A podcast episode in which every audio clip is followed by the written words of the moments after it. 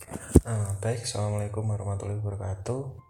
Uh, pada pertemuan ini kita akan membahas apa yang disebut sebagai negara. Nah, paling pertama yang paling mudah adalah tentang apa itu pengertian negara.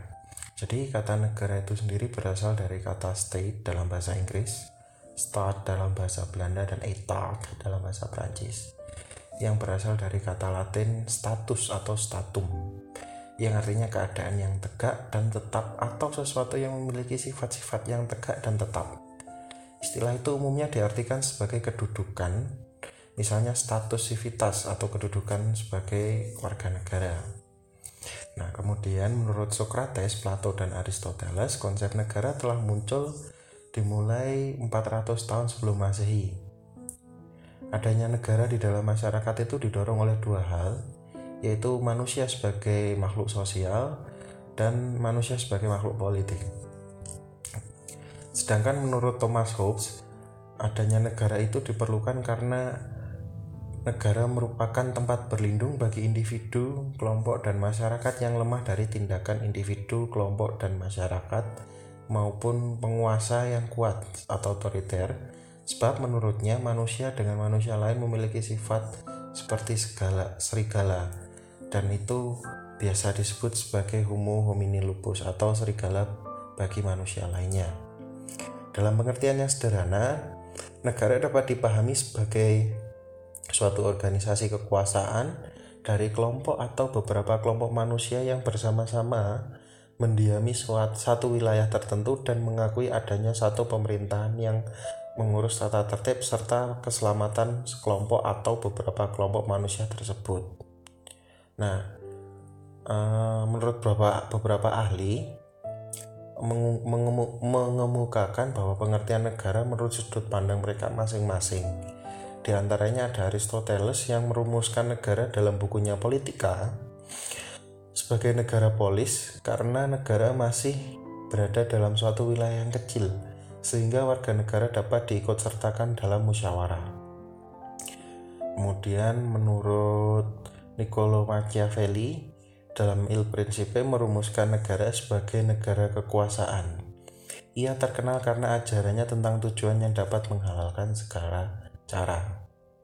Kemudian menurut George Jelinek mengatakan bahwa negara adalah organisasi kekuasaan dari sekelompok manusia yang telah berkediaman di wilayah tertentu.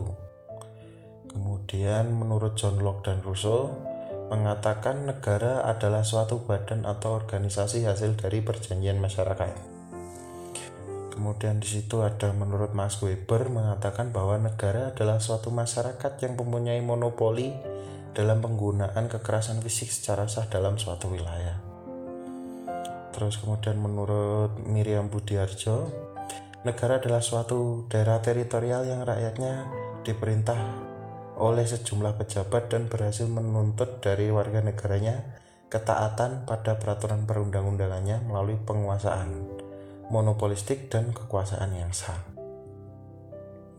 Kemudian menurut M. Natsir, negara adalah suatu institusi yang mempunyai hak, tugas, dan tujuan yang khusus Institusi dalam pengertian umum adalah suatu badan dan organisasi yang mempunyai tujuan khusus serta dilengkapi oleh alat-alat material dan peraturan-peraturan tersendiri dan diakui oleh umum. Oke, berikutnya kita ngebahas tentang unsur-unsur negara. Nah, dari beberapa pengertian yang saya sebutkan tadi, kita dapat mengidentifikasi beberapa unsur negara. Secara teoritis, berdasarkan konvensi Montevideo, unsur negara dapat dibedakan menjadi unsur konstitutif dan unsur deklaratif. Pertama, unsur konstitutif adalah unsur pembentuk yang harus dipenuhi agar terbentuk negara. Unsur ini terdiri atas yang pertama adalah adanya wilayah, yaitu daerah yang menjadi kekuasaan negara serta menjadi tempat tinggal bagi rakyat negara. Wilayah juga menjadi sumber kehidupan rakyat negara. Wilayah negara mencakup darat, laut dan udara. Kemudian eh, unsur yang kedua yaitu adanya rakyat. Nah, rakyat ini adalah orang-orang yang bertempat tinggal di wilayah itu, tunduk pada kekuasaan negara dan mendukung negara yang bersangkutan. Kemudian yang ketiga, unsur berikutnya yaitu adalah pemerintah yang berdaulat. Nah, di sini dipahami adanya penyelenggara negara yang memiliki kekuasaan menyelenggarakan pemerintah di negara tersebut. Pemerintah tersebut memiliki kedaulatan baik ke dalam maupun keluar. Kedaulatan ke dalam berarti negara memiliki kekuasaan untuk ditaati oleh rakyatnya. Kedaulatan keluar berarti negara mampu mempertahankan diri dari serangan negara lain. Kemudian yang berikutnya ada unsur deklaratif. Nah, ini adalah unsur yang sifatnya menyatakan, bukan mutlak harus dipenuhi. Unsur-unsur ini terdiri dari yang pertama adanya tujuan negara, kemudian ada undang-undang dasar, kemudian berikutnya ada pengakuan dari negara lain, baik secara de facto maupun de jure, dan kemudian masuknya negara tersebut ke dalam PBB. Berikutnya yaitu sifat-sifat negara. Negara memiliki sifat khusus sebagai manifestasi dari kedaulatan yang dimilikinya, dan yang hanya terdapat pada negara saja, tidak terdapat pada asosiasi atau organisasi lainnya. Jadi secara umum negara memiliki sifat memaksa, memonopoli dan mencakup semua. Nah, akan kita bahas persatu persatu terkait dengan sifat memaksa. Nah, di sini tujuannya agar peraturan perundang-undangan ditaati dan dengan demikian penertiban dalam masyarakat tercapai serta timbulnya anarki dapat dicegah. Maka negara memiliki kekuasaan untuk memaksa kehendak dan kekuasaannya untuk menyelenggarakan ketertiban baik dengan memakai kekerasan fisik maupun melalui jalur hukum atau legal. Sarana itu untuk adalah uh, sar, maaf sarana itu digunakan oleh polisi, tentara dan sebagainya. Kemudian sifat monopoli. Nah, di sini artinya negara memiliki hak menetapkan tujuan bersama masyarakat.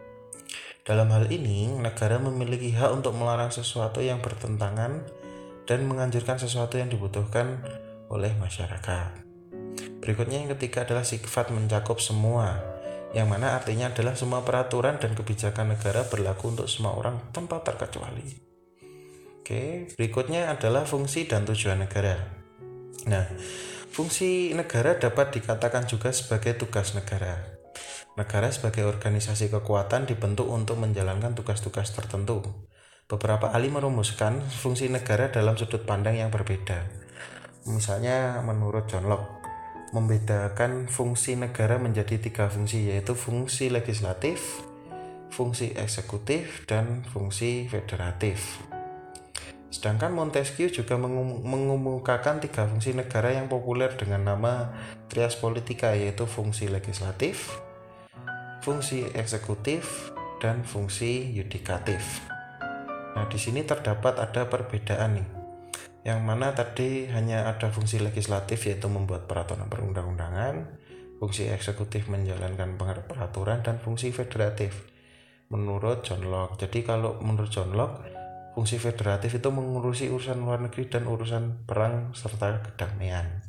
Sedangkan kalau di teori yang diungkapkan oleh Montesquieu, perbedaannya yaitu ada fungsi yudikatif yang mana fungsinya untuk mengawasi agar semua peraturan ditaati atau fungsi mengadili.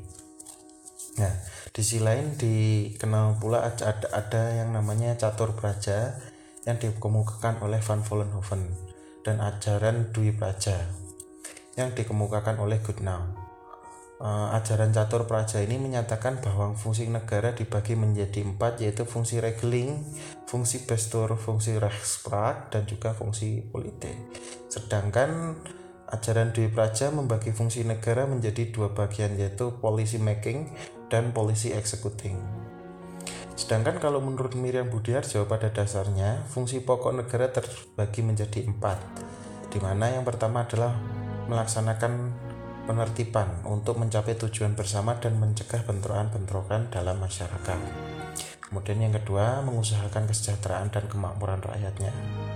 Yang ketiga, pertahanan dan yang keempat adalah menegakkan keadilan. Nah, dari beberapa pendapat yang saya sebutkan tadi dapat dikemukakan atau dapat disimpulkan bahwa fungsi negara sebagai berikut. Yaitu yang pertama ada pertahanan dan keamanan. Jadi di sini negara wajib melindungi rakyat, wilayah dan pemerintahan dari ancaman, tantangan, hambatan dan gangguan.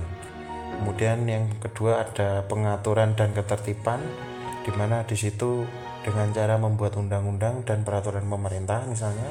Kemudian yang ketiga kesejahteraan dan kemakmuran. Nah, di situ adanya kegiatan untuk mengeksplorasi sumber daya alam dan sumber daya manusia untuk kesejahteraan kemakmuran. Dan yang keempat, eh, keadilan menurut hak dan kewajiban. Nah, di situ maksudnya adalah menciptakan dan menegakkan hukum dengan tegas tanpa pilih kasih. Keseluruhan fungsi negara tersebut diselenggarakan oleh negara untuk mencapai tujuan negara. Oke, itu aja dulu kayaknya. Terima kasih.